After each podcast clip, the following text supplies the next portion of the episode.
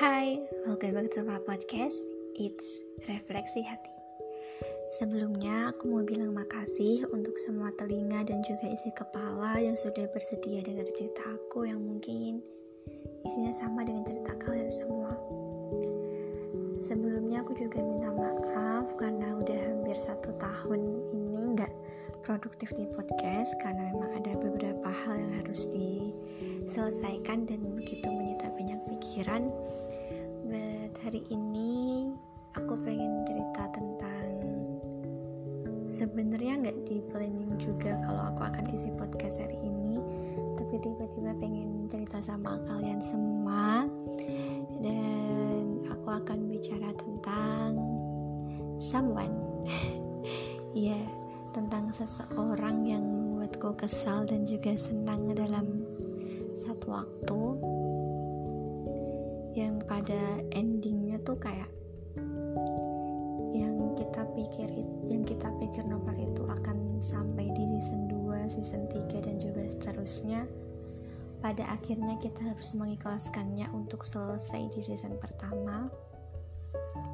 Yang kita tahu bahwa di setiap lembar novel itu menceritakan banyak sekali kisah menguras emosi, sedih, senang, humoris, receh, yang terangkum dalam satu novel yang akhirnya kita harus mengikhlaskannya untuk selesai.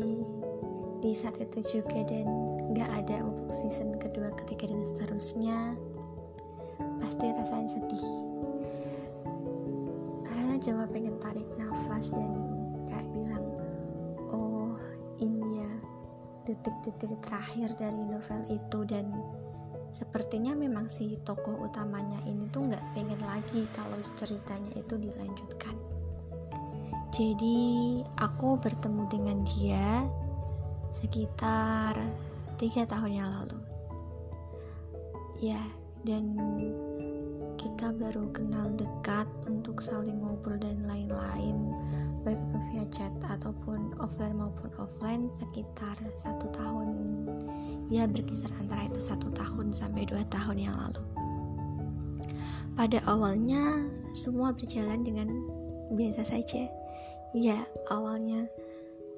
Meskipun aku bukan tipe orang yang kayak kalau udah biasa sama orang jadinya suka but dengan dia aku percaya bahwa rasa itu bisa tumbuh karena terbiasa. Ya gak tahu karena awalnya kita emang sering banget curhat sampai pada akhirnya di di tengah-tengah perjalanan itu dia memutuskan untuk tidak lagi melanjutkan kisah tapi tidak disampaikan secara gamblang karena ya yeah, I know. Dia adalah tokoh utama yang memutuskan untuk mengakhiri ceritanya sendiri dan aku memang harus membiasakan diri untuk berpikir bahwa oh ini novel ini harus selesai di halaman ke-300 dan aku emang gak bisa lanjut ke halaman 301 karena memang sudah tidak ada lagi yang ingin diceritakan gitu.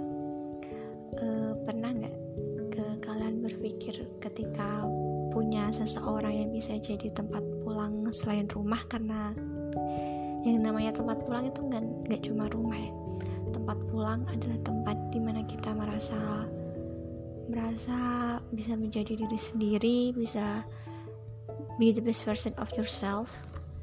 Dan pada akhirnya rumah itu harus konstruksinya harus selesai dibangun sebelum apa ya sebelum benar-benar siap untuk ditempati.